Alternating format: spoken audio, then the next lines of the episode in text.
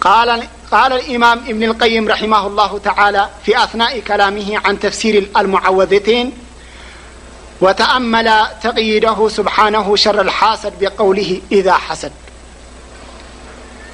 إذا حسد بل قل لع رب الفلق تركب بعب زرب نكل شخ امام بن القيم لأن الرجل د يكون عنده حسد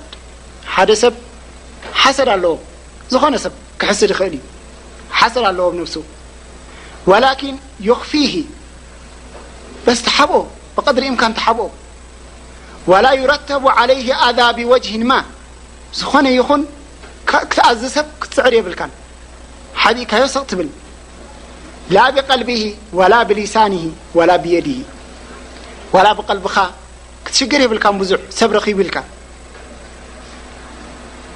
ብኣፍካ እውን ክትፃረፍ የብልካን ንምንታይ ረኺብኩም ኢልካ ከምኡ እውን ብኢድካ ክትጓዳእ የብልካን በል የጅድ ፊ ቀልቢሂ ሸይአን ምን ዛሊካ ወላ ዩዓጅሉ ኣኻሁ ኢላ ብማ ዩሒቡ ላህ እሱ ክጥንቀቕ ኣለዎ ኣብ ቀልቡ ሕማቕ ነገር ክሕድር የብሉን ነቲ ሓዉ ክረኽቦ እንከሎ ኸዓ በቲ ረቢ ዝፈትዎ ገይሩ ክረኽቦ ኣለዎ እንቃዕ ረቢ ሃበካ ክብሎ ኣለዎ ኣጆኻ በርትዕ ክብሎ ኣለዎ መሊሱ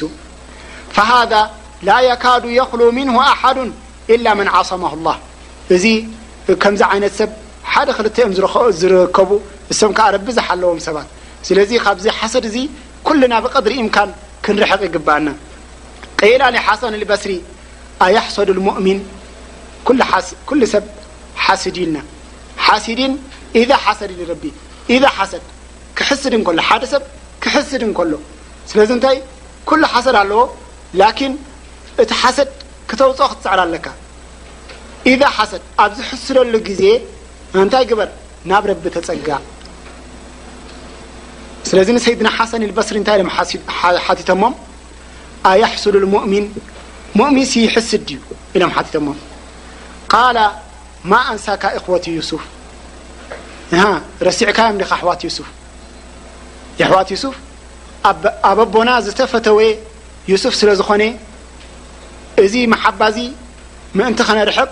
ንዩሱፍ ከነጥፍኦ ኣለና ኢሎም ንምንታይ ሓሲዶሞ ንሰይድና ዩሱፍ ስለዚ ረሲዕካ ዲካ የሕዋት ሰይድና ዩሱፍ ሙእሚኒን ከለዉ ደቂ ነቢ ከለዉ ላኪን ንሓዎም ሓሲዶም ስለዚ እቲ ሓሰድ ዋላ ሙእሚን ዝርከብ ግን እንታይ ክኸውን ኣለዎ ከጥፍኦ ክጽዕር ኣለዎ ንሰብ ክጎድእ የብሉን ላኪን ኣልፈርቅ በይነ ልቁወት ለቲ ፊ ቀልቢሂ ምን ዛሊካ ወህዋ ላ ዩጢዑሃ ወላ የእተሚሩ ለሃ ላኪን እቲ ፍልልይ እንታይ እዩ ኩሉ ሓሲድ እንድሕር ዳ ኢልና እንታይ እዩ ትፍልልይ ናጽነት ክትህባ የብልካን ነታ ነብስኻ ንኽትሕስድ ሰብ ክትዕድል ክትህባ የብልካን ክትምእዘዛ የብልካን ከምኡ ውን እቲ ኣምሪ ናታ ኩሉ ክትቅበል የብልካን ብሓይሊ ክትርሕቕ ኣለካ ካብ ሓሰድ በል የዕሲሃ ጣዓተን ሊላሂ ወኸውፈን ወሓያእን ሚንሁ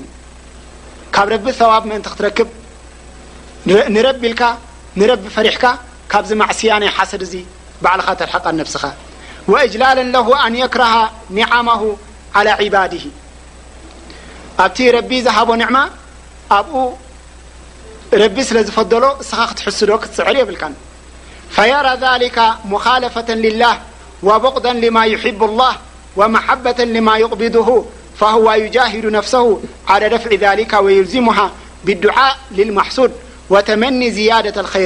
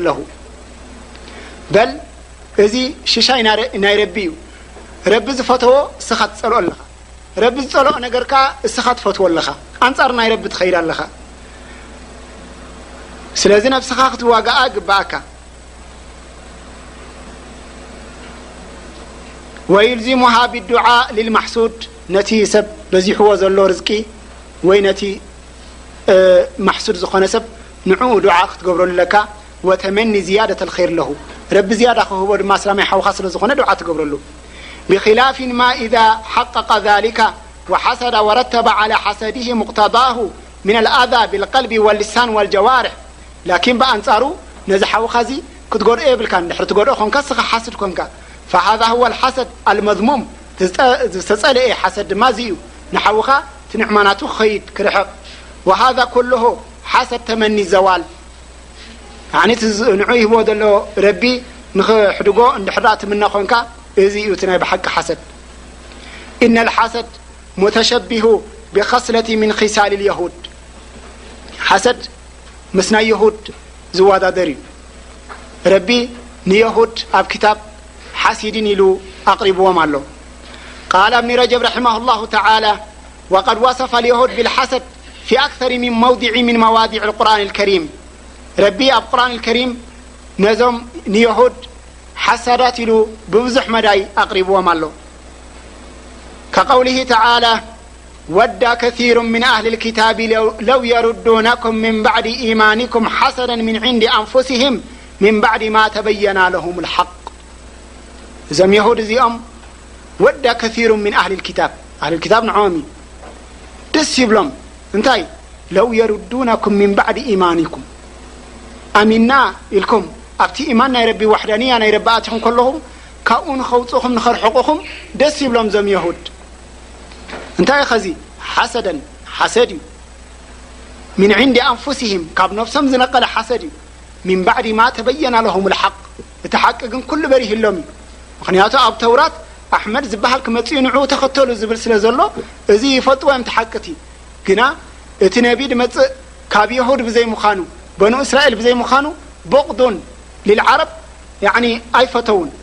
ስለዚ ስለዚ ዝጸልኡ እንዳፈለጥዎ እቲ ሓቂ ካብቲ ኢማን ንዓኹም ከርሕቑኹም ይጽዕሩ እዚ ከንታይ እዩ ሓሰድ እዩ ወቀውሊሂ ኣይደን ኣም የሕሱዱን ኣናሰ ዓላ ማ ኣታሁም ኣላሁ ምን ፈድሊህ ረቢ ኣብሊጽዎም እቲ ብልጫ ሂብዎም ብልጫ ሂብዎም ከሎ ነቶም ሰባት ነቶም ሙእምኒን ላኪን ኣም የሕሱዱን ኣናሳ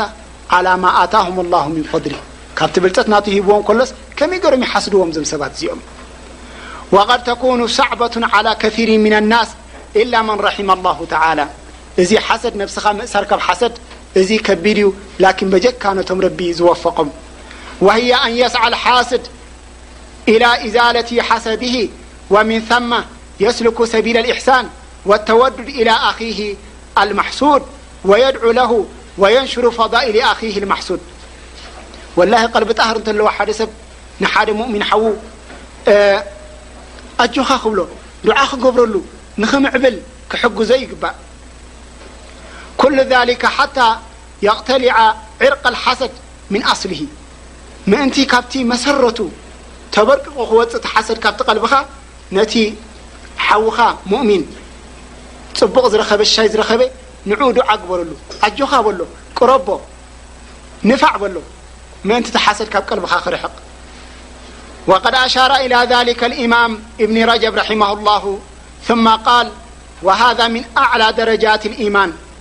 እዚ እቲ ዝለዓለ ደረጃ ናይ ኢማን እዩ ከምዚ ዝገብር ሰብ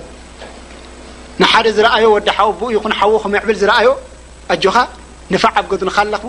ኢሉ ክስጅዖ እንከሎ እዚ እቲ ዝለዓለ ኢማን ዱዓ ክገብረሉ እንከሎ ንዕኡ ዝለዓለ ኢማን ዘለዎ እዩ ወሳሒቡሁ ሁወ ኣልሙእሚን ኣለዚ ዩሒቡ ሊኣኺሂ ማ ዩሒቡ ሊነፍሲህ ዋና እዛ ቀልቢ እዚኣ ዝኾነ ሰብ እዚ እቲ ሙእሚን ረሱል ዝገለጽዎ እዩ